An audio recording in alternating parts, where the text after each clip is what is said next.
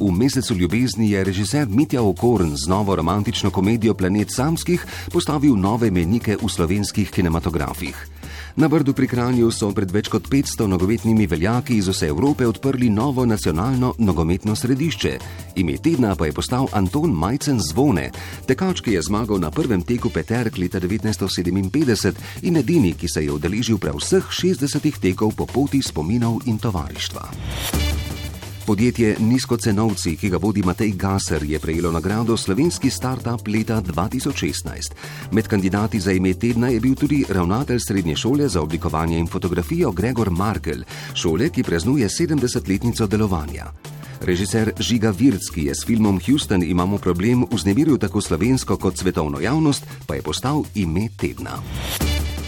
Bara Kolenci na tej tuta sta se kot prva slovenca uvrstila v glavni program najpomembnejšega nemškega gledališkega festivala Teater Trefen in prejela tudi glavno nagrado.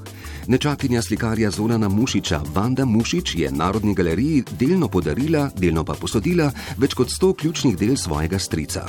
Največ glasov v tej konkurenci pa ste namenili Draganu Mihajloviču z inštituta Jožefa Štefana, na katerem so prvi na svetu razvili novo vrsto spominskega elementa za superračunalnike.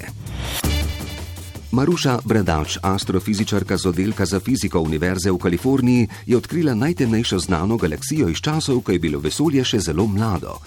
Za naziv ime tedna se je potegoval tudi igralec Boris Kavaca, ki je dobil nagrado Tantadruj za življensko delo. A zadnje majsko ime je postal za marsikaterega najboljši evropski nogometni vratar Jan Oblak, tretji slovenec, ki je igral v finalu lige prvakov.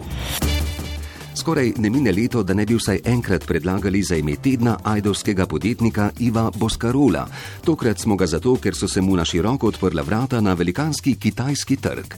Letošnji dobitnik prestižne skladateljske nagrade Klaudija Abada je mladi skladatelj Vito Žuraj, a prvi teden v maju je bil brez konkurence Peter Slatnar, ki je potem, ko so se pri Elanu odpovedali programu skakalnih smoči, v okviru svojega podjetja zagnal proizvodnjo smoči z novo podobo in postal tudi ime meseca maja.